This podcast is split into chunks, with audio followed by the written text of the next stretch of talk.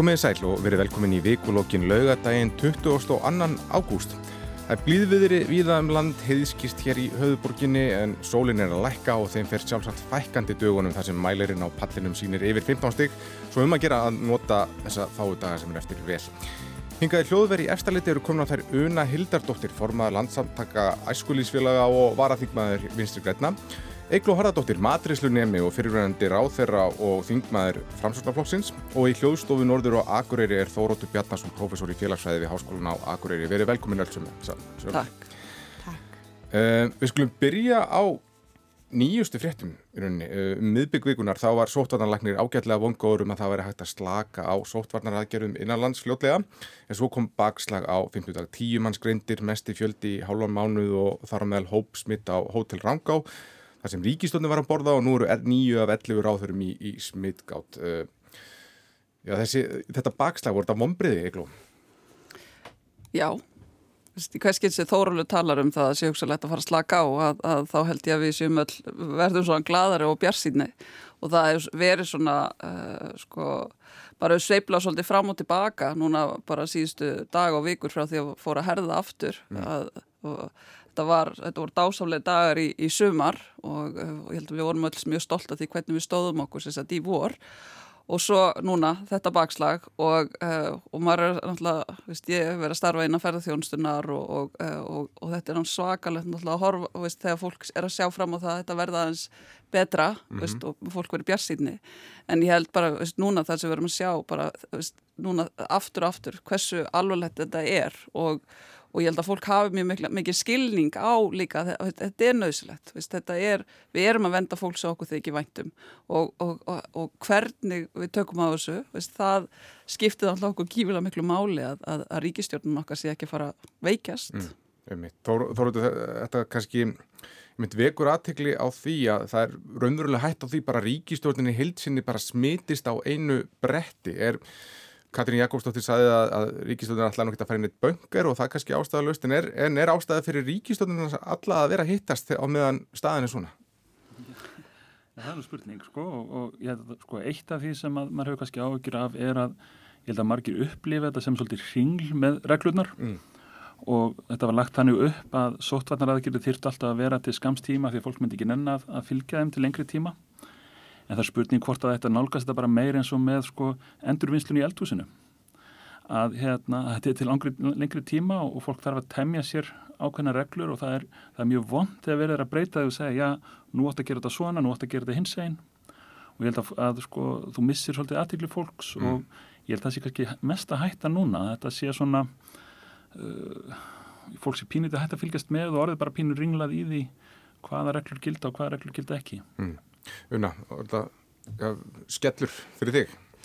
Ekki mjög persónlega, ég er ekki hérna, ég er ekki ráð þeirra í ríkistjórn þannig að þetta, þetta komir ekkert, ég veit ekki, en mér finnst þetta náttúrulega, þetta er náttúrulega svolítið flókið en, en það breytir því sem þetta ekki að, að ríkistjórn náttúrulega, um, þegar hún tekur ákveðunum að fara alltaf mis og, og funda svona, þá er það náttúrulega gert í samráði við sótvarnar yfirvöld og, og, og þetta er náttúrulega líka þessi veira, við vitum ekki nákvæmlega hvern hún virkar og, og við getum ekki, við erum ekki með eitthvað staðsendinga búnað á henni þannig að það geta komið upp smitt hvar sem er og, mhm. og, og við verðum náttúrulega bara að fara valega og, og ríkistöfnum gerir það og er með vissar ráðstafinir sem þau taka þegar þau eru að hittast en eins og ég segi, ég meina smitt geta komið upp hvar sem er mm -hmm. og við náttúrulega eins og þegar Þorfur segir já, núna getum við kannski reynd að vera jákvæð ég meina hann er náttúrulega byggir það á, á, á sinni sinni reynslu og, og sin, bara einhvern veginn sinni, hérna, sinni sína á þetta mál en náttúrulega við veitum ekki neitt mm -hmm. að þessi, þessi veira og, og þessi faraldur við höfum aldrei séð neitt svona bara, bara í mjög langan tíma mm -hmm. og, og þess vegna held ég að hérna, við erum bara að reyna einhvern veginn að, að feta okkur í, í, í nútímanum og að reyna einhvern veginn að aðlaga lífa okkar að þessu mm -hmm. og það er náttúrulega eðlilegt að það kom eitthvað upp og við gerum mistök en við náttúrulega lærum af mistökunum og ég trú ekki öðru en að við gerum það núna eftir þessa viku og, og það sem að koma upp þarna á Hotel Langá. Mm. Eh, ég hef nú aldrei velt þessu fyrir mér, Eglóðun, þú er kannski líklegast til þess að hafa einhverja einsinn inn í það en við vonum auðvitað að, að enginn af ráðhörnum hafi, hafi smittast. En hvað myndi gerast ef bara nýju, nýju af hérna, 11 ráðhörum veikjast samtímis?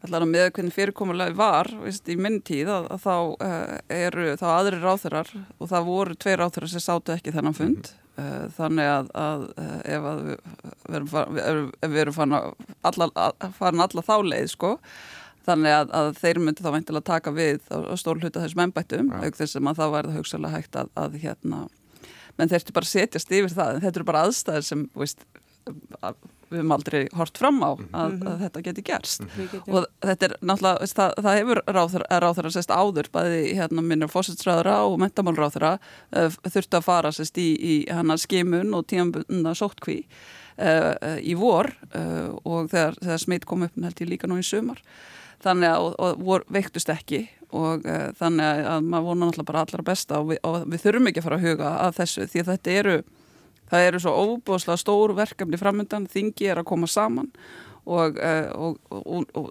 það þurfa að koma svo skýr skilabóðum um það sem við erum að tala hér um hvernig við ætlum bara að vinna okkur út úr þessu mm -hmm. að, hvað er það sem við ætlum að gera til þess að lifa með veirunni sem var einmitt þessu þórulu var meðalans að tala um að, að, að þetta væri þanga til að það er búið að þróa bólefni og það er búið að bólusetja fólk það mun taka tíma og, eh, og, og við öll, ekki bara við Íslandikar heldur, bara allur heimurinn þarf að læra að lifa með þessu og aðlæða sig að þessu. Mm. Og við veitum ekki eins og hvort að bólefni virkar og hvernig og hversu hátt prósent fólks verður ónæmt mm -hmm. þegar það er hérna gefið þetta bólefni. Já, en við þurfum heldur bara að líta svolítið á hérna Netflix þættina Designated Survivor og við ætlum eitthvað að pæliði hvað gerist ef allir á þeirra verða veikir. Hvað, hérna, hvað er svona worst case-in eru í þeim álöfnum sko. Nægur tími til að horfa Netflix fyrir marga þess að dana. En, en við skulum koma þess að að lifa með veirunni síðar í, í þættinum en snú okkur að, þetta tengist auðvitað þessum reglum, skýrum reglum og, og, og breytingum aðeins. Það er þetta stefnum át Þórtísar, Kolbrúnar, Reykjörður, Gilvardóttur Eðinar og nýskupunar á þeirra með vinkunum sínum uh, á, á síðallegin lögadag sem dróð dilka á eftir sér. Hún eittir sem sagt frítegi með vinkunum sínum á veitikahúsum og þar voru teknir myndir sem síndu að þær voru augljóslega ekki að virða tveggja metra regluna og svo kom á daginn að einn vinkunan var á sérkjörum hjá einan fyrirtækjana og, og Þórtís segist þó að hafa greitt allt fyrir sig en það voru svona íminsta spurningar sem vöknuðu uh, Þórtís Kolbrún sendi frá sér yfirlýsingu þar sem hún segir að myndatökan hafi verið mistök og ráð þeirra þurfti að haga gerðum sínum uh, þannig að það þurfti að vera hafnar yfir vafa og baðast afsökunar að hafa ekki gert það. En hvað segir tímundamál Þóratur, var þetta smávegileg yfirsjón eða alvarleg afglöp? Já, ég held að sko, einlega að horfa á þetta er kannski bara að horfa á hvernig við höfum nálgast þannig faraldur, þar að segja það hefur verið svona, já, fagfólkið hefur verið sett svona í, í, í spísin og hérna og stjórnvöld hafa kannski meira svona sagt já, við hlýðum við þið og, og, og hérna ríkistjórnin sé bara kannski söpum spórum svo allir aðri með það, þeir eru bara hlýða því sem að, að fyrir þá er lagt. Frekar heldur um það að, að þau líti á sig endilega sem sko, sko leiðtói í þessu. Mm. Þannig að maður myndi kannski búast við að, að sko, sko ráðherrar sem væri svona, svona, svona leittóar þjóðarinnar í þessu myndu segja já, sko við þurfum að ganga undan með góðu fordæmi. Og ef maður gleymir sér að þá bara segir maður það, það geta allir glemt sér og þá segir fólk bara, já þetta hérna, sínur nú bara hvað allir þurfa að passa sig. Já. og einhvern veginn fór umræðin í eitthvað allt annað sko, eitthvað svona hérna diskussjónur um það hvort að tveir metrar er að vera sko milli hópsins og annar á staðinu með innan hópsins og hver borgaði hvað. Og svo dregst sko, e, sko þórólfur og þau dragast inn í þetta með einhverja svona hártóganir um það, um það sko, hvers eðlisins tveggja metrar regla er og svo ramið þannig ég held að það hefur verið rosalega óheppilegt að hvernig einhvern veginn spilaðist úr þessu. Mm, Egló?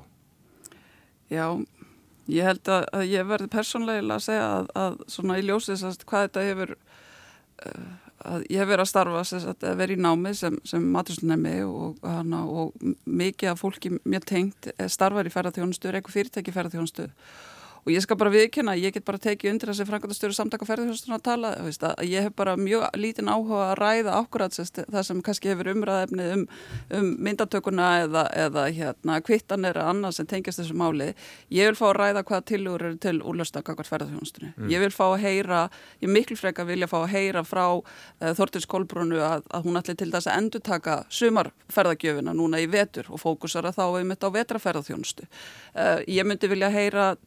hvort að sjálfstæðismenn sé ennan í að fara að taka undir uh, tilhúsið þegar að hinga til alltaf barist um sem er lækkun skatta og álagna á, á, á, á fyrirtæki og veist, að, að fari að lækka hana virðsveikana á hérna, tímabundið, á ferðarþjónustuna, á listgreinanar, það er greinar sem hafa orðið vestar úti.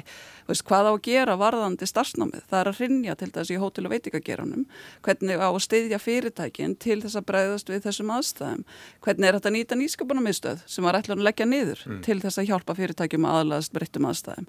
Þetta er það sem ég er sakna mjög að umræðan sé ekki þar frekar en nákvæmlega veist, hvað gerðist í tengslu við þetta, þetta atvik. Þetta hlýttur að vera spurning um traust og traust til dæmis til yfirvalda var það sem já, skipti mjög miklu máli í, fyrir, í fyrstu bylginu núna í, í vor og það hlýttur þá að um, þetta getur haft áhrif á það bara, hversu, bara vilja almennings til þess að fara eftir settum reglum.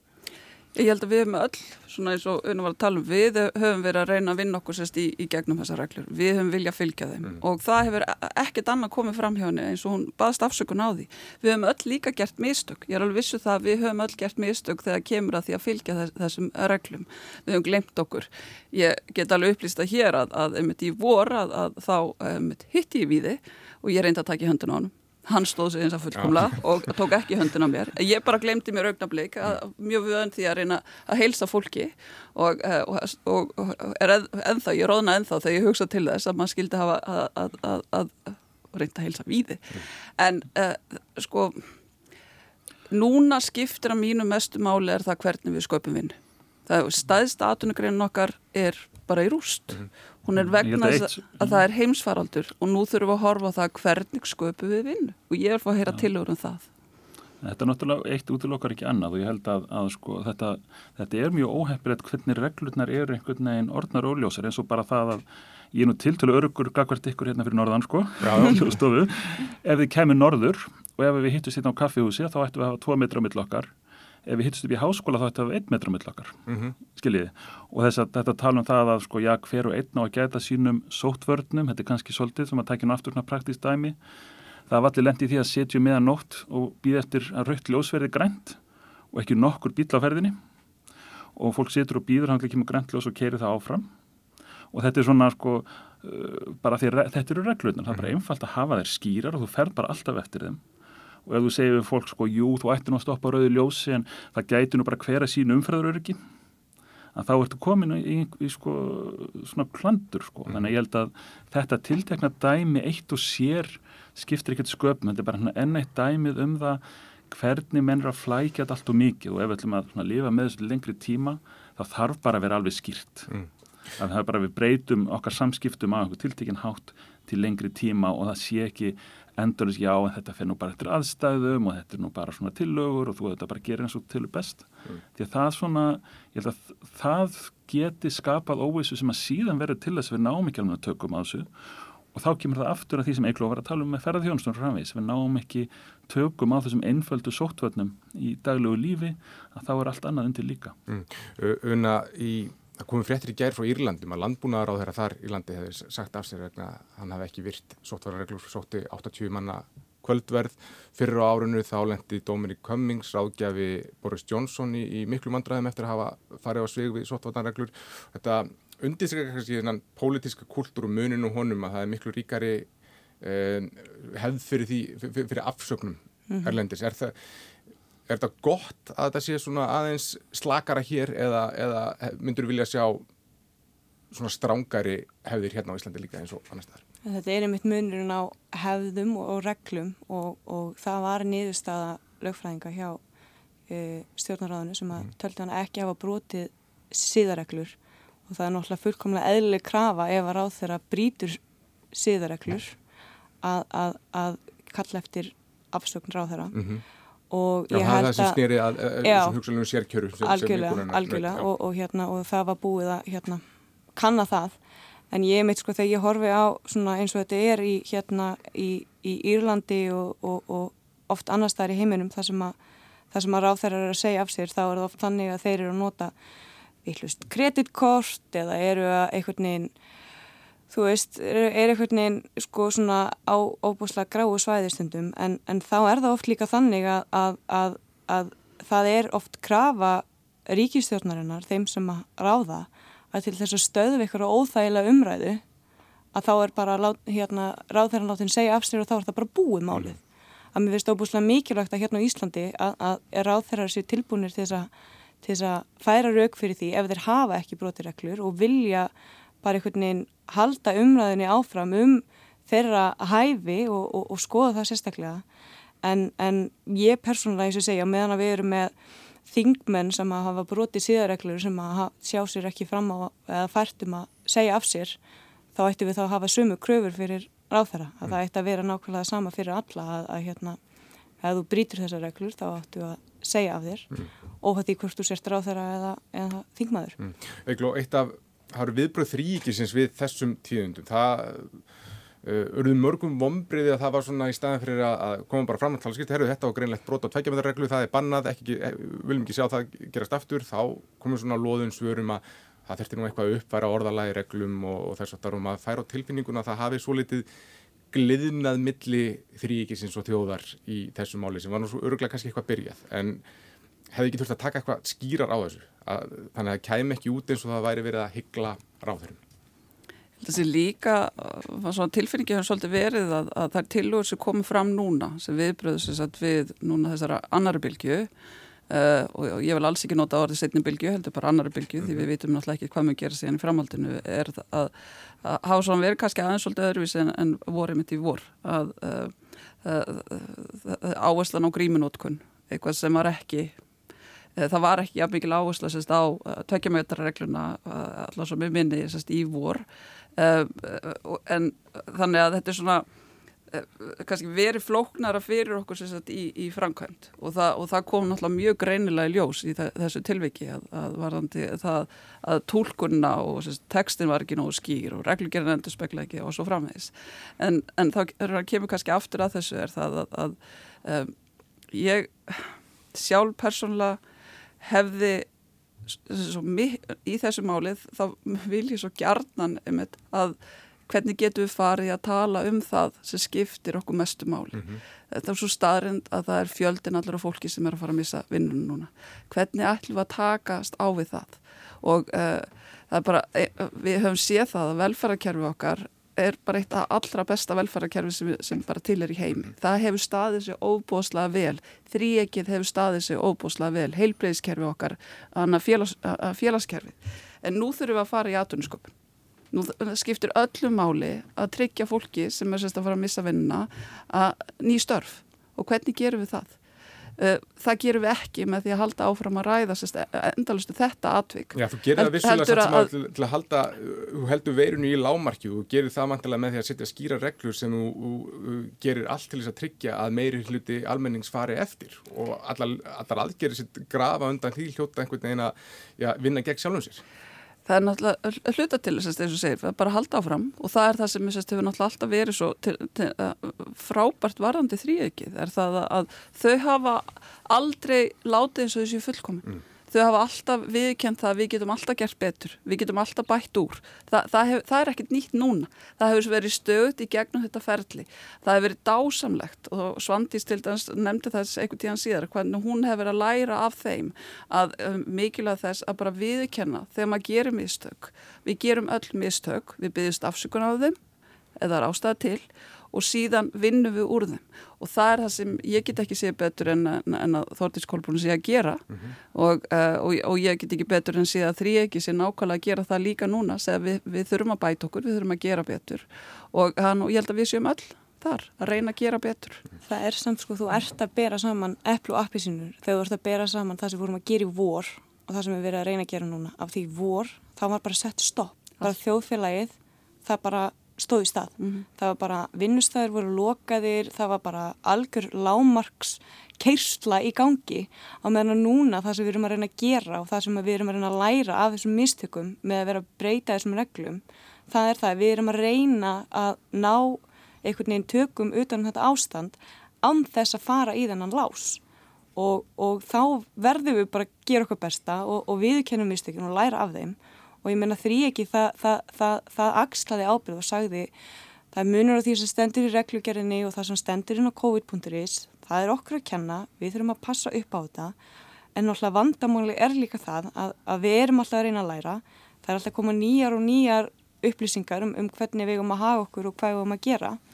Og það verður til svolítið mikil óreiða og Mhm. maður er ekki alveg vissum í hvern fótinn maður á að stíga. En, en við erum að reyna að finna einhvern, einhvern meðalveg, einhverja litla ofbúsla þunna línu til þess að dansa á þar sem við getum haldið þjóðfélaginu gangandi, þar sem við getum verið að skapa störf og fólk geti mætt í vinnuna og að einhvern veginn að halda þessari, þessari veiru í skefjum. Og Já, það er það sem við erum að reyna að gera. Maður veldi líka fyrir sig hvort að þríegið sé ekki miklu erfiðari stöðu núna heldur en í vor.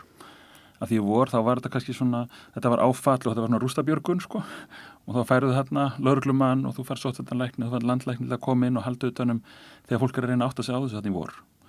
Núna erum við komin á stað þar sem að þarf að fara að taka pólitískar ákvarðanir. Það er þessar spurningar með já, viljum við hafa landamærin hversu opin viljum við hafa landamærin? Mhm.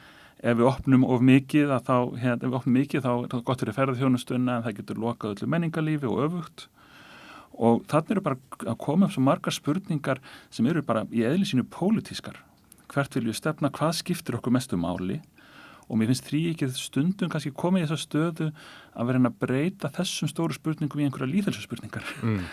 að, að stjórnvöld þurfa að stíga betur fram, ekki það að, að sjálfsögðu þurfa sérfræðingarnir að, að, að sko, koma sinni sérfræð á, á, á framfæri. Ef þú gerir þetta þá líklega hitt gerist. Mhm.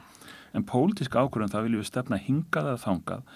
Maður myndi vilja sjá sko, stjórnvöld stíga miklu skýrar fram og segja þetta er það sem við ætlum að leggja áherslu á, við vitum að það kostar þetta ef við fáum þetta móti. Og þannig er kannski líka alveg sérstaklega vond að akkurat á þessum punkti séu sé við föst í einhver endurlösu þvarki um, um sko, það að einhver ráð þar hafi ekki passað upp á en einmitt Það þegar stjórnvöld samt ættu, sko- að, ættu að stíga fram sko, og móta, mó, taka sko, pólitískar ákvarðanir í, í þessum málum. En það er náttúrulega þannig að allar ákvarðanir sem eru teknar í þessu máli eru pólitískar að því leiti að það er alltaf ráð þeirra sem tekur þessar ákvarðanir en, en það er aftur á móti þessi sóttvarnar yfirvöld sem að er að, eru hennar til, ráð, til sérst, ráðgjafar. En ég held að það sé líka mjög mikilvægt annar punktur að, að við sem erum hér og erum að taka þátt í umræðinni að við tölum ekki um að opna og loka landinu vegna þess að landið er opið og hefur alltaf verið, það eru bara settar við þessar takmarkanir og Ísland er, er aðili að e, svona alþjóðlegum e, samningum um frjálsa fólksflutninga og það hefur verið þannig og var þannig í sumar og, og, og í, í vor að landi var opið og það var fólk að koma hingað en það voru bara aftur á móti takmarkanir sem voru setta sem gerðu það að verkum að það komu færri en venjulega. Mhm. sem ferðarþjónustum sagt að þetta sé nú bara ígildi lókunar Já, já, algjörlega, algjörlega. en, en svo getur við líka náttúrulega tekið sko tvö skrif aftur og sagt já þetta er kannski bara stil hluti af þessum pólitíska kultúr sem var til hérna eftir hrun þar sem að við svolítið sammæltum það að, að sko að pólitíkusar ætti ekki að taka ákvarðanir sko. Það er að segja að þetta að vera be- sérfræðingar og embætismenn þeir taka faglegar ákvarðanir og pólitíkusar gerir það þá þar með ekki sko, þannig að góður pólitíkus hann fylgir því sem að, að sérfræðingarnir segja, þetta er ekki algild en þetta er svolítið þetta sem er orðið til ekki bara hér heldur víða. Og svona viðbröðum við því annars það eins og í bandrækjunum hefur verið að fara alveg á hinkantin og segja að þessi sérfræðingar veit ekkert hvað er að tala um og við þurfum bara sterkan leðtóa og hér höfum við kannski bara verið svolítið, svolítið mikið í þessu sko að, að ef að hérna ríkistjórnin ætlar að taka ákvörðun sem hefur mikil áhrif á tiltekna atvinnugrein að þá þurfum neila að skýla sér á bakvið það að þetta séu, séu sérfræðingar að segja þetta. En það er einmitt, maður tekur eftir því að það er komin miklu meiri svona kurri fólk núna heldur en var í vor, skiljanlega kannski að liðin lengri tími og fengi meiri reynslu en bara og í vikunni Sigriður Andersen þingmaður sjálfstæðisflokksins sagði bara að það væri ekki fullur stuðningur við þessar aðgerðir innan þingflokksins og talar um að það vanti betri raukstyrning fyrir svona hörðum aðgerðum og það sé ekki tilefni til þess að ganga svona personufrelsi almennings. Og svo heyrast líka rættir þegar Þórólu Guðnarsson sóttvarnarlækni sagði í Kastlósi vikunni að hugsalega þurfti þessar, uh, ákvarðanir, eh, þessar aðgerðir að gilda í, marga mánuði viðbót og þá koma rættir, heyrðu, býtu, hver er þessi sótatanlæknir að taka þessar ákvarðanir? Hva, hvað er pólitíkin? Þarf hún að fara að stíga núna sterkarinn? Þingi er að fara að koma saman Mm og þannig að, að ég gerur nú fastlega ráð fyrir því að það verði þá umtalsvert meiri pólitísk umræða Mér sýnist líka svona með þess að við erum að tala um að, að, að, að maður myndi vel að sjá stjórnvöld stíga svona sterkara framvarðandi þessi stefnumörkunna að ef þú horfur á fréttir svona inn á milli þá hefur síðast viðtöl við alla leðtóa ríkistjórnarinnar þar sem þau eru að tala um fjármála áallunna, þau eru að tala sest, um hvernig, hvert þau ætla að stefna, hvernig fjárlögin verða. Þau eru að segja það við erum ekki að fara að skera niður við ætlum sérst, að halda utanum hana velferðarkerfið okkar mm -hmm. í mhm. gegnum þetta. Við ætlum að leggja áherslu á atunnsköpun. Við erum að fara að fjárfesta í atunlífinu. Það er verið að tala um framkvæmdir á vegum hins og uppbyrra. Uh, Félagsmálur á þeirra var að kynna tilur upp á fleiri miljardar upp á það að hjálpa fólki sem er langtíma aturlust að fara í, í, í nám mm -hmm. á aturlsbótum. En síðan sér maður líka að leiðtóða stjórnarhansstuðunar að Lógi Einarsson var núna að skrifa sérst, með mjög sambarlu manda eins og hann að leiðtóða stjórnarhansstuðunar hafa verið að tala. Uh, Þorgjur Katrín, uh, Þorstin Víglusi sakna svo mjög mikið af þingi að, að hann var að tala fyrir þessu áður hann hætti. Og, uh, og þannig að þarna ætti líka þá að geta myndast sérst, samstaða um þessa, þessa pólitísku áherslur.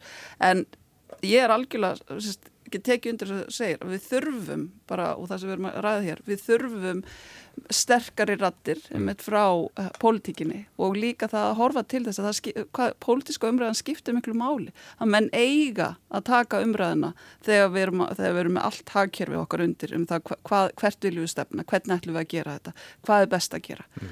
og, uh, og þar náttúrulega er þó að þetta sé ekki einfalt og þetta getur verið sérst, þessi umræði óriða svo að tala um mm. að það, þegar við förum tökum þessa pólitísku umræði að þá held ég það, það, sé, það skiptir ó, okkur óbúslega miklu máli. Mm. En hvað er að punta að það sé búið að ganga of mikið á persónum frelsi án mikillar umræðu og, og kannski nægilegs raukstýrnings. Ég meina ef ég á að koma hérna með einhverja heimsbyggilega pælingar mm -hmm. hvað sem við viljum kalla það, ég meina hversu langt gengur persónufélsi gengur það lengra en, en að það sé þú eigir ekki að ganga á réttindi annara að, að þegar þú ert með þetta persónufélsi erum við þá að tala um þú meir hafa frelsi til þess að smita aðra? Ertu með frelsi til þess að drepa ömmuðina þú veist hvað er það að tala um? Að mér finnst óbúslega mikilvægt að við gerum okkur grein fyrir því að persónufrelsið næri ekki lengra en mannréttindi annar í kringu því. Mm. Það er bara þannig og, og, og við erum að gefa fólki vist frelsi með því að vera slaka á þessum takmörkunum en þá er bara óbúslega mikilvægt að við, við virðum ákvarðanir annara og ef einhver segir við þig ég vil ekki ég vil ekki taka hendin á þér, ég vil ekki knúsa þig, ég vil ekki að þú komir nær en, en tveir metrar að þá er bara mikilvægt að við virðum það mm.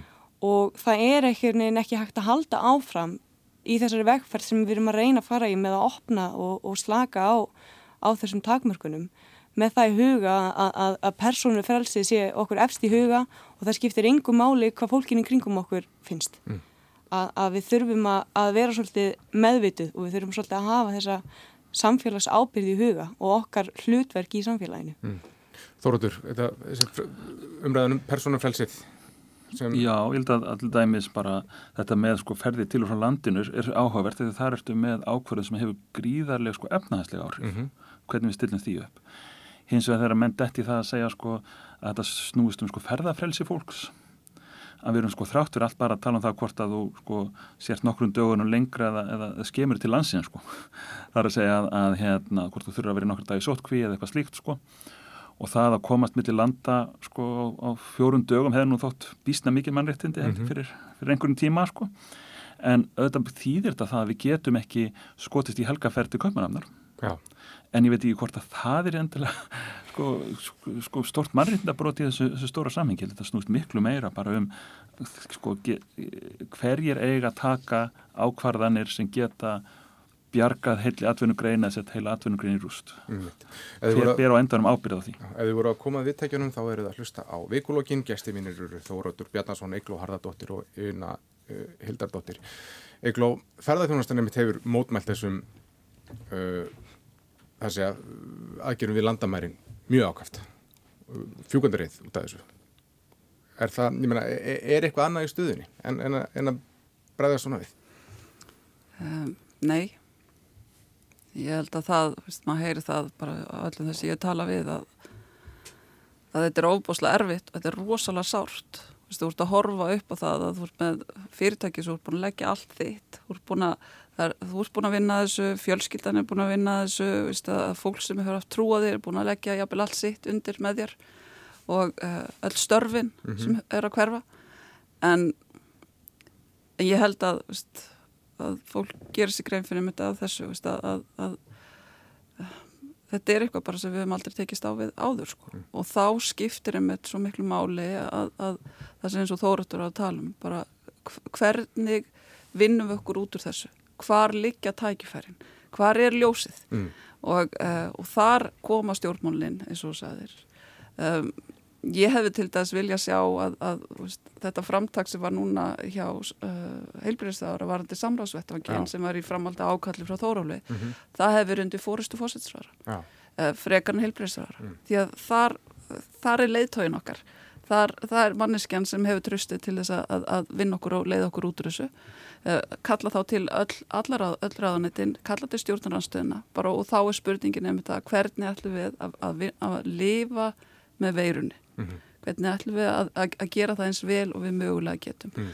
og, uh, og, og ég hef bara svo mikla samfæringu að meira sem þegar staðan er svo nervi þá eru líka tækifæri það eru tækifæri eins og til dæmis bara í geran sem ég vonast þess að geta unnið einhvern tíðan í sem er hana veitingagerinn og er að menta mig til þess að verða maturslumæður að þar eru tækifæri svo sannarlega það, það er tækifæri til þess að leggja meira áherslu á takeaway sem, sem henn voru að gera að fólk á, hérna, heimsendingar mm -hmm.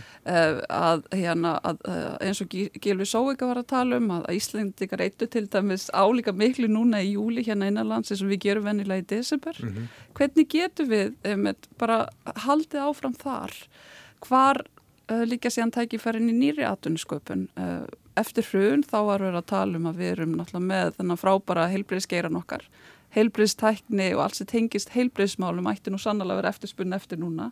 Það var talað um uh, ný orkutækni, mm -hmm. að, að við höfum verið mjög framála hvað það var þar. Getur við orðið fullkomlega sjálfbar, varðandi orku, að, að gera raunverulega allt grænt hérna á Íslandi og síðan sem er sem, sagt, sem ég veit að þú hefur mjög mikið áhuga á að, að þar sagt, eru skapandi greinar mm -hmm. Hva, hvað er hægt að gera til þess að, að, að styðja við listamenn og gera auki vermaði úr því og ég held að sé, það eru óendalega tækifæri þar og tengja það síðan við hana, fjór, fjór, hana yðbildíkuna á, mm. og tæknilausnir Una, þú varst á þessum fundi, samráðsfundi sem já, fulltrúi, já, formaður félags Forseti Forseti fyrir gjöðu, mm. það er félag, uh, landsambands æskulisfélaga Ungmenn ungmennafélag. Ungmennafélag fyrir göðu. Um, hvað, hvaða línur voru lagðar á þessum fundi? Er, er, er þetta að tala um það að það hefur verið gert? Svona einhverjir strengir stiltir saman? Já, svo sem. Um, mér finnst þið mitt mjög áhugavert eins og, eins og allt sem að Eikló var að, að tellja upp áðan sem eru möguleikanir.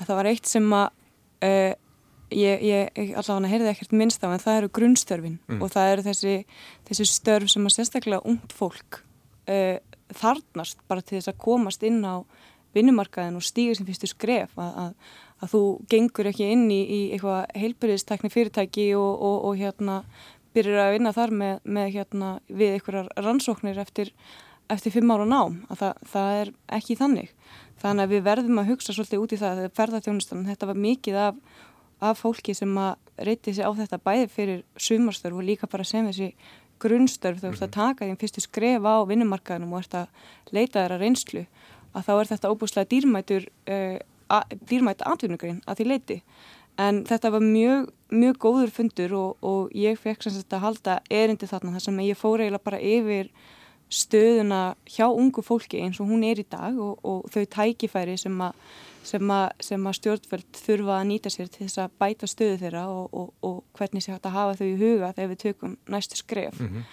En þetta var uh, mjög fín fundur að því leiti að var, þarna voru uh, fulltrúar frá flestum hangsmunar samtökum sem að komi þarna saman og, og voru svolítið að, að, að, að einhvern veginn leggja hausin í bleiti saman og fara yfir yfir hérna þeirra sín og hvernig staðan er hjá þeim og, og voru að reyna að komast að einhverjum lausnum mm -hmm. og, og, og reyna að hugsa lausna með það og niðurstaðanar þær voru kynntar þarna og þetta hljómað allt mjög, mjög vel og þetta mun fara inn á samráðsvettbang stjórnvalda þannig að þannig að það verður áhugavert að sjá hvað kemur úr þessu mm. en ég held að sé líka mjög mikilvægt eins og Eiklo talaði um að það þarf að vera kannski víðara samráð þar sem við tökum fleiri inn í, inn í, inn í samtalið mm -hmm. að það þarf alveg klárlega að gerast og, og, og ég trú ekki öðru en að það verði gert einhvern tíman en ég menn eins og staðin er núna það með ekki vera fleiri en, en 60 þarna inni þannig að það var ekki hægt að fá fleiri að borðinu mm -hmm. jábel þótt að það voru margir þarna eða sérst mikið af hagsmuna samtökum sem að ég veitum sem að voru ekki á staðnum og, og þótti leitt að sjá ekki en, en, en hérna en eins og ég segja það er, það er, það er óbúslega mikilvægt að við hérna, vinnum vel út úr þessu samráði og séum, séum að einhvern veginn að halda samtalenu þannig að, að fólk geti komið með aðtöðasemtir og benda á hvernig, hvernig staðan er í mismundi geirum vegna þess að, vegna þess að stjórnvöld get ekki, ekki verið með það á hreinu hvernig staðan er í þjóðfélaginu mm. bara út um allt sko. Þóraður, þetta er líka bara reysastort byggðamála því að bara mörg sveitafélög sem reyða sig á, á ferðarþjónustu, hún hefur verið mikil búin ykkur fyrir mörg sveitafélög og komið blómlega ferðarþjónustu fyrirtæki og, og það er allt í, í uppnámum viðbúið að margi fara í hausin, sumir jafnvel bara breyða búi og flytja kannski til Reykjavíkur sem hefur alltaf sogað til sín eh, fólk. Hvað getur, ja, hvað er þetta að gera til þess að, að draga úr því höggi? Já, þetta er nú sko áhugavert þegar að þessi breyting verður það fækkar svona mikið ellendi ferðamennunum og Íslendinga fara minnall útland og ferast þess í stað innanlands að sömuleiti kemur þetta sko vel út fyrir suma landsbyðir sko. Mm. Það er að segja að ef að hérna sko reykvíkingar ferðast miklu meir innanlands eða fólk á höfbúrúsvæðinu þá er það 200 manns. Já. Þó að sko allir landi ferðir reykjavíkur þá er það ekki nema 100 sko. Mm. Og ég hef ekki séð einu útækt á þessum bara af því að fara um og tala við fólk að þá hefur maður komið víða þar sem að, að fólk hefur bara aldrei vita aðreins trafík. Það er bara búið að vera algjörlega fullt út úr dyrjum hjá þeim hérna í allt sumar. Uh, kannski þegar nær dregur Reykjavík þú kemur í sko hrútafyrðin þá er allt í hennu fara að menna að segja nei, hér hefur verið mjög lítið að gera. Mm og ég gist á, á sko, notaði nú ávísunna mín á fína hótel í Reykjavík og það var næstu því bara eins og í kábúið með svona tumbleweed sko, röngunum, sko. þannig að, að sko ég held að svona, ef maður horfður bara á sumar eða þá, þá er þetta verst fyrir þá staði sem að hafa fengið mesta ströymin mm. þannig að það er höfuborgarsvæð og það er Suðurlandi sérstaklega ja. sem stendur, stendur veikt annar staðar eru menn kannski svona að velta fyrir sér, já, verða helgaferðir á eigilstaði í vettur, mm.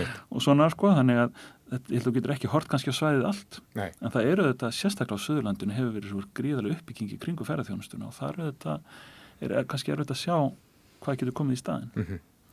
Bæta við Suðunissunum, já, já. En það er náttúrulega það sem blasir við er atvinnleysi, það er hefur farið hækkandi og allar líkur á það að hækki ennþá meira í, í haust og það er þá spurning hvernig á að breyðast við því. Að sí hefur kallað eftir því að, að grunn atvinnlýsinsbætur verði hækkaður um 10% samt og atvinnlýsins hafa mótmælt í því að það drægi úr kvata fólk til þess að, að fá atvinnu.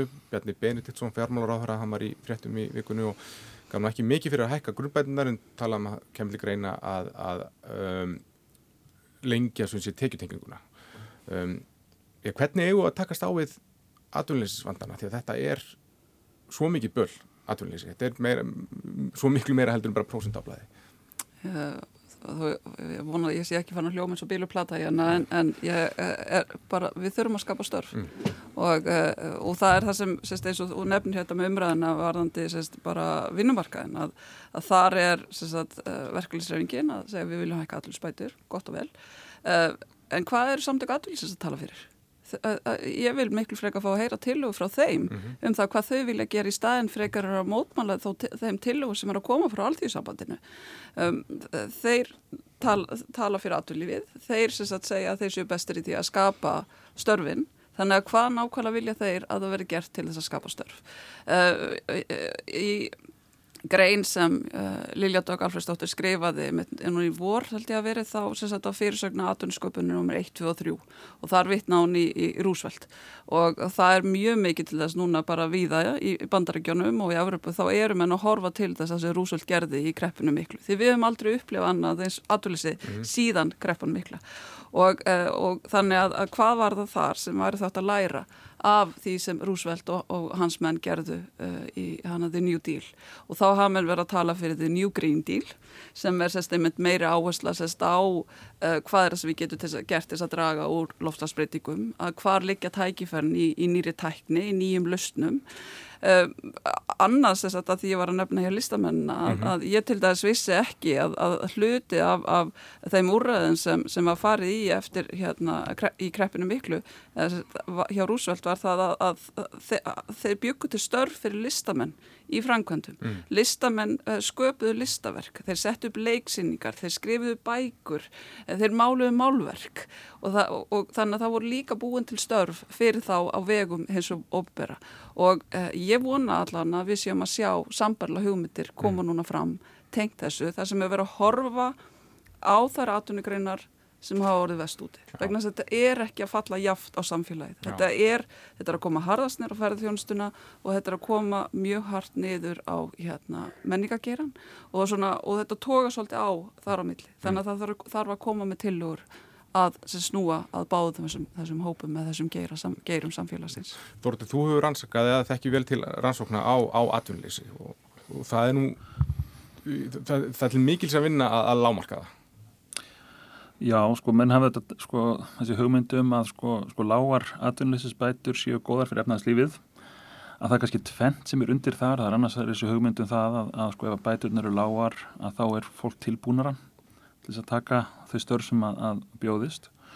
Og hins vegar þessi hugmyndum það ef að, sko, atvinnleysisbætur eru lágar að þá er fólk tilbúin að taka læri laun, mm -hmm. þannig að þessi öðveldur fyrirtækin að ráða og þetta verður þetta mikið verið rannsakað og þetta er sérstaklega hagfræðingar sem hafa, hafa leiðið við þessu og, og svona stóra myndi verðist vera svo að jú, lágar atvinnuleysisbætur gera það líklega að fólk hérna fari af atvinnuleysisbótum.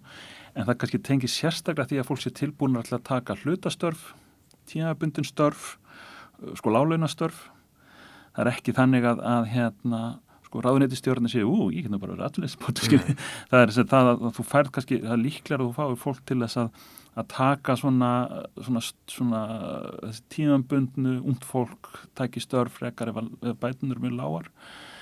Hins vegar er líka rannsóknir sem sína það að sko, upphæða atvinnuleysisbóta skipta máli fyrir alls konar að draga úr neikvæðum áhrifum atvinnuleysis á samfélagið. Mm. Að til dæmis er það nú nokkuð þekkt að, að þegar atvinnuleysi eigst að þá eigst afbrótatíðni en, en, en það samband ræðst af því hversu háa bætunir eru. Á, á þeim stöðum þar sem að atvinnuleysbeitur er herri þar er þetta samband miklu veikara. Mm -hmm. sömuleiðist tengist sko atvinnuleysi hérna sko hérna heilbriði fólks.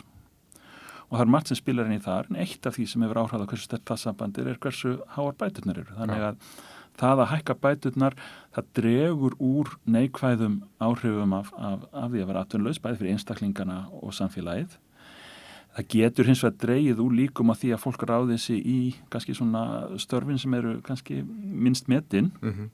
en það er kannski ekki beinlýnis okkar vandamál núna að, að það vandi það vandi margt fólk í, í, í hlutastörf og svo ráðins Nei, einmitt Una? Já, ég ég meina, ég skil alveg hvað Bjarni er að hugsa og ég hérna um, mín skoðun er svo að það verði eiginlega að, að hérna lengja þess að tekjutengingu í, í hérna atvinnuleysisbætum.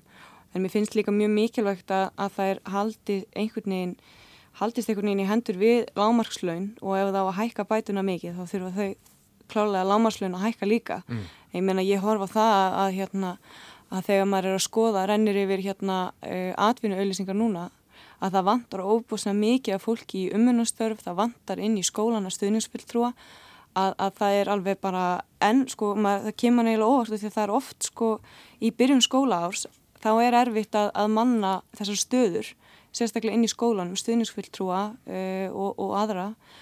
Og núna einhvern veginn átti maður vona því að það er þið ekki vegna þess að það er svo mikið atvinnleysi en, en það verðist samt sem áður vera þannig að skólanir eiga erfitt með að manna þessar stöður og, og þá líka inn í, í heilbriðisgeiranum að það vantar fólk til starfa mm. og vantar alltaf fólk til starfa og hefur alltaf verið þannig að mér finnst mikilvægt að hérna, við pössum einmitt upp á þetta að, hérna, að við náum að manna þau störf sem við þurfum einfallega að manna til þess að halda hérna, þjóðfélaginu gangandi og svona þegar ég líti kringum mig á, á ungt fólk sem að ég þekki og, og, og, og aðra sem að hafa þurft að fara á bætur að það er oft þannig að, ungt fólk það er einhvern veginn þetta er svo fjárstæðukent mm. að, að það kannski er að klára nám núna í vor og hugsaður já ég fæ svo vinnu í sumar og svo finn ég mér eitthvað í haust eða og fær kannski ekki vinnu að í staðin fyrir að fara strax á bætur sem að þau hafa rétt á uh, þá hérna þá í staðin notaði sparnaði reikningarna sína eða búa lengur hjá fólkdur sínum að þau hérna, þau finnst það bara einhvern veginn ekki einhvern veginn líta á atvinnileysisbætur fyrir eitthvað fólk sem hefur mist vinnuna mm. en ekki fólk sem að færi ekki vinnu mm. þannig að einhvern veginn mikið fólki kringum mig sem segi sem að hafa rétt á atvinnubátum sótti ekki um þær vegna þess einfallega að, að það bara einhvern veginn pældi ekki eins og nýði mm. þannig að þannig að mér finnst mjög mikilvægt að, að, við pössum upp á það að fólk sé meðvitað um það að það geti sótt þessar bætur og þær verða að, að haldast í hendur við lámarstekjur til þess að tryggja að við getum manna þær stöður sem við verðum að manna einfallega til þess að halda þjóðfélaginu gangandi. En heldur að það sé ekki verið að sækja um þessi störf, ummununarstörf og, og skólaleiða af því að það er ómikið lítill munur á milli í atvinnulegisbóta og laununa sem eru greitt fyrir þar? Það geta alveg vel verið mm. og, og þannig en ég vil samt meina að atvinnuleysisbætir verða að vera það háar að hægt sé að lifa af þeim mm. að við verðum að, að, að, að tryggja að það sé hægt að ná endum saman í lókmánaðarins ef að þú þarfst að taka þann skell að missa vinnuna eins og óbúslega mikið að fólki hefur gert núna að mm. það, þú sért ekki einhvern veginn í þeirri stöðu að þú bara einfallega getur ekki náða endum saman mm. og það er óbúslega mikilvægt. Ég held að það getur líka verið og sluta get, getur verið að, að maður sér stundum ekki möguleikana að tækifærin, því að maður þekkir ákveðna hluti og, um, og það er svona veist, og, og, og það er rosa erfitt að breyta, veist, það er rosa erfitt að taka skrefið veist, og bara gjörbylta lífið sínu uh, og ég hef svo sannlega tekið ákveðin skref í það átt á undanfarnum árum og ég er verða viðkenni, ég er bara svolítið först í því að, að mér finnst öll störf skipta máli mm. veist, og, eh, og, og vermaðið er að felast svo sannlega ekkit endilega í því hvað og endan og fær borga fyrir þau veist, það heldur bara hvernig þér finnst að vinna þessa vinnu veist, að mm. bara gleðin og ánæðan fyrir mig sem, sem maturslinni og veist, að vita það að fólki finnst maturinn minn góður, að ég get elda mat og, og fólk gengur út sátt og veist, eftir að hafa borðað eitthvað sem ég, sem, sem ég eldaði gefur mér alveg jafn mikla gleði eins og, og mörg af þeim verkefni sem ég var að sinna þegar ég var í félagsmálurandinu þannig að, þannig að, að að fólki finnist frumvarpið eitt gott. Já, eða, já, um eitt hvort að það var, varst ána með það, veist, hversu margar miljardar maður bætti inn, inn í almantryggingerfið ekki, sko, mm. að, að bara að maður sjáu fyrir sér að það sem maður er að gera hefur tilgang. Mm. og, og, og ég skal segja viðkynna það fúslega að vorið var ofbóðslega erfitt. Mér fannst að þetta var, var þvílitt áfall. Ég, ég var með plan veist, ég ætlaði að útskrifast aðra ég á 50 og, og búin að veist, algjörlega skipileg geta hvernig hlutin ætti að vera og svo bara var ekkert planlingur mm.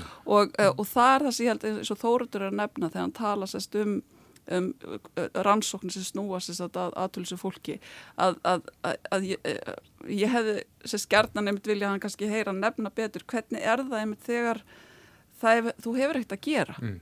veist hvað skoðan mm. -hmm. tilfinning er það? Og veist að þú hafur ekki hlutverk eða tilgang. Og, uh, og ég veit bara það að það, í mínum huga sem ég líður óbúslega illa þegar ég veit ekki hvað ég er að fara að gera í dag. Veist að ég hafi ekki einhver verkefni. Og um, Þannig að það, það mun skipta mjög miklu máli mm. og þar getum við lært af svo miklu sem var gert mjög vel eftir hrun. Mm. Vinnumálastofnum til dæmis bara gjör breyttist. Vinnumarkasúriðin sem var farið í þá meðal eins og námi vinnandi vegur. Skiluðu árangri fyrir fólk, mm. gaf þeim ný tækifæri mm. og við þurfum að horfa til þess og við þurfum að læra því og við þurfum síðan að gera enn betur. Mm. Þóruður, þú getur kannski svara þessu sem voru að kalla eftir? Um? Já, ég held að, að sko svona með fullir viðringu fyrir peningum að, að þá er það er ekki bara veist munurinn á, á sko lámaslaunum og, og atvinninsbótið skiptir máli það líka skiptir máli að sko starfið sem þú ert í er svolítið hillað inn í lífinu. Þannig að sko ef þú missir vinnuna sem bladamadur eða missir vinnuna sem þjóttn eða, eða maturislu maður hva, hvað, hvað þú sem þú ert að gera að þá er kannski ekki fyrstu viðbrönd segja að þá fyrir ég bara að gera eitthvað allt annað þá fyrir ég bara, verði ég bara skólalið skiljið að auðvitað er fólk með þekkingu og reynslu og áhuga á þeim sviðin sem það er að vinna og, og flestir sem betur hafa bara sko, gaman að vinna sinni. Mm -hmm. og það að, að sko að fólk missi vinna, það held að sé eðlilegt, held líka skinsanlegt að fólk segi nei, ég ætla nokkið að gefast upp á því sem ég er búin að vera að, að, að gera í lífinu. Og ég ætla að reyna að, að hérna, finna mér eitthvað annað að gera í, á, svona sem tengist því sem er á, er á mínu sviðu og ég held að það sé sko hluta því sem unan nefnir að, að þú getur fengið mikið atvinnuleysi á, á einu sviði og, og, og, og samt vanta fólk á öðru eins og bara þegar ferðarþjónustan var að koma inn og menn sá fyrir sér, já nú eru þeir sem unni í sko sjáurútvegi, nú fara þeir allir í ferðarþjónustu mm -hmm. það var ekkert endilega þannig sko. Að hérna og hérna og þetta þurfum við, við horfum bara fram á það að það verður töluvert atvinnuleysi hérna í, í, í framtíðunum sérstaklega ákveðnum í ákveðnum greinu sem vonandi munu koma aftur. Mm -hmm. og þá held ég að, að einmitt þessi pólitíska fórhastaskipti máli, menn segja hvað er það? Hvernig ætlum við að tekla þetta? Mm -hmm. hvernig ætlum við að, að hvernig horfum við á næstu, næstu sex mánuðin og er einhver af þenn reglum sem að, að gildu hér þegar að, að sko atvinnuleysi verður náttúrulega ekkert? Mm -hmm. þurfum við að hugsa þær upp á nýtt? Ræðum þá kannski þessum um, um tækifærin. Að tala um það að ef við nú komumst í það ástanda að það sem kallaði veirufrýtt land, við skulum nota það orðið samt innan, innan gæsa lappaði, það er nú örgulega svona einhver útúpi að ná því ástandi en allavega að haldinni það mikið niðri að hérna getur daglegt líf gengið svona uh, freka venjulega fyrir, fyrir, fyrir sig. Hvaða tæki færi höfu, hvað myndið þið vilja sjá dæmis unna? Ég myndi vilja sjá mikla áherslu setta á það að, að tryggja um, mínumati þegar ég er að horfa á kannski svolítið svona Ísland að setja ekki mesta áherslu á Reykjavík og finnst óbúslega mikilvægt að, að sérstaklega störfi ferðarþjónustu mm. gáfu fólki tækifæri til þess að búa áfram í sinni heimabygg mm -hmm. og sérstaklega ungt fólk og það þarf svolítið að passa upp á það að þegar við erum að fara að, að byggja hérna upp þetta framtíðar samfélag sem við höfum öll einhvern veginn, einhverju óljósa myndum þar sem við erum sérstaklega að horfa fjörðu yðnbildningun og annað, að við þurfum að tryggja að það séu tækifæri út um all land og þá er ég sérstaklega að horfa á störf án staðsetningar og veist, það þarf að tryggja þryggja þessar afmagnum um all land og ljósleiðara bara þannig að það sé hægt að ef við ætlum að fara í þessa uppbyggingu þegar það kemur að tækni að það sé hægt að sinna þessum störfum út um all land mm. og við þurfum svolítið að hugsa þetta sem Íslandi heildi ekki bara sem hérna Vasmýrina sem hérna eitthvað svona tækni, tækni kjarni Íslands að það sé hægt að vinna þessi störf uh, út um alland og við þurfum líka að horfa það að, að þessi grein sem að lagði svona nánast af í sumar eða svona lendi mestu vandræðum sem er þessi ferðarþjónasta mm.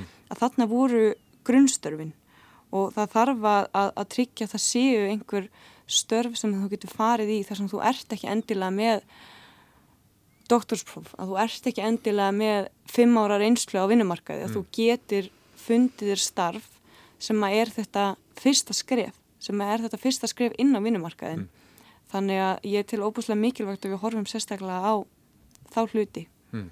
Ég ætla að fá að nefna svona, ég held að það sé samveld áhámál okkar sem snýr sérst að, að hérna matálaframlýslu hér, hér á Íslandi að, að ég held að það sé gífulegt tækifæri þar og e, það er hægt að, að vera hægt að fara sérst alveg í mynd alvöru fjárfestingar sem snúa því að ebla matálaframlýsluna. Það er svona komin ákveðin sprót eins og það með 500 miljónir sem fór inn í matálasjóðin en ég held að kasta það svo aftur á þóruði, ég held að það sé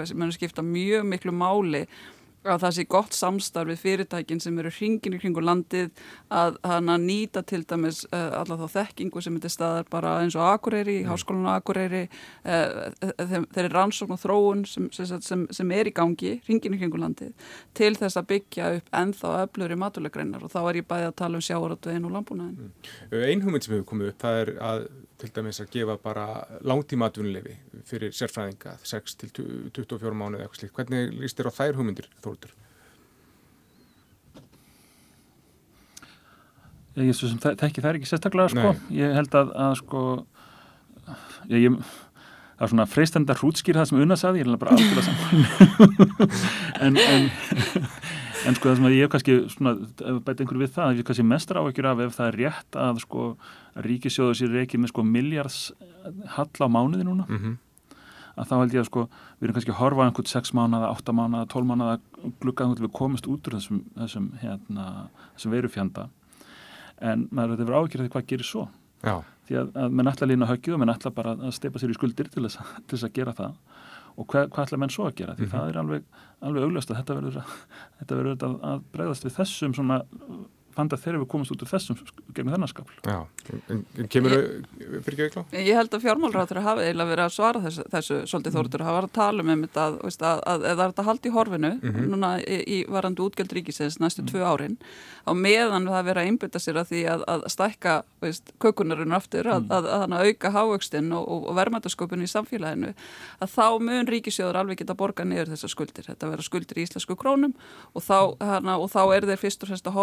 hlutfallið af landsframlýslu þannig að ég, ég hef ek- ekki af þessu, ég hef miklu verið sérst, raunar af því hvað við ætlum að gera sérst, á ekki bara næstu áttamánum heldur næstu tveimur árum til þess að, að auka verðmættasköpun það verður stóra verkefni Já, en ég er mitt sko, þessi hugmynd, ég hef heyrt hana oft nefnda en mér finnst hún eiginlega stór furðulega að við ætlum allt í einu að, að hleypa ríku hvítu fólki inn í landið, Mhm. að, að þetta er svolítið svona furðulegt og því að það er mikið af fólki sem hefur áhuga á að koma hingað og setjast hér að og, og, og, og við einhvern veginn virðumst hérna setja miklar hérna mi- mikinn mikinn kraft í það að búa til aðstæðar þar sem er erfitt fyrir fólk að flytast hér að sem að er ekki hvitt millist þetta fólk. Að, að mér finnst fyrðulegt að við ætlum bara að opna landi fyrir þann hóp.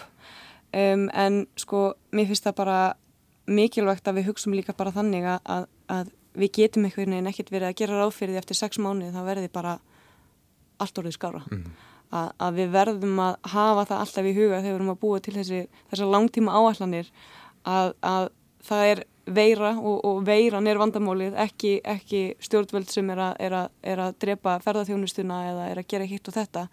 Að það er þessi veira sem að hefur þessi áhrif og við getum einhvern veginn ekki gert ráð fyrir því að það verði einhvern veginn komin einhver lausn eftir sex mánu, eftir nýju mánu, eftir tvö ár við bara einfallega getum ekki gert ráð fyrir neinu nema bara einhvern veginn að koma samfélaginu í eitthvað horf þar sem að við náum einhvern veginn að, að, hérna, að, að lifa lífinu eðlilega ef svo má segja og ég held að það sé mikilvægast að markmiði að við náum bara einhverju jafnvægi. Mm. Uh, óvissu tímar framundan en kannski hægt að ráða í hvað, allra, allra nánustu tíma, uh, hvað að gera um helgina? Það að mála loftið heima hjá ganginu. Þóróttur, ég, ég, ég, er, ég er í golfinu, ég er að púsa golfið hvað ætlaði þú að gera við veggina? Herðu, ekki neitt, ótrúlega þess að ég, hérna, ég fór á grammetismarkaðinu upp í Mórsastæli morgun og kefti fullt af grammeti þannig að það er bara matabóði í, í kvöld og svo er bara spilakvöld á morgun þannig að Hljóma vel. Kæra þakki fyrir komuna Þóróttur, Bjarnason, Egló Haraldóttir og Unna Hildadóttir og hafið það gott. takk fyrir.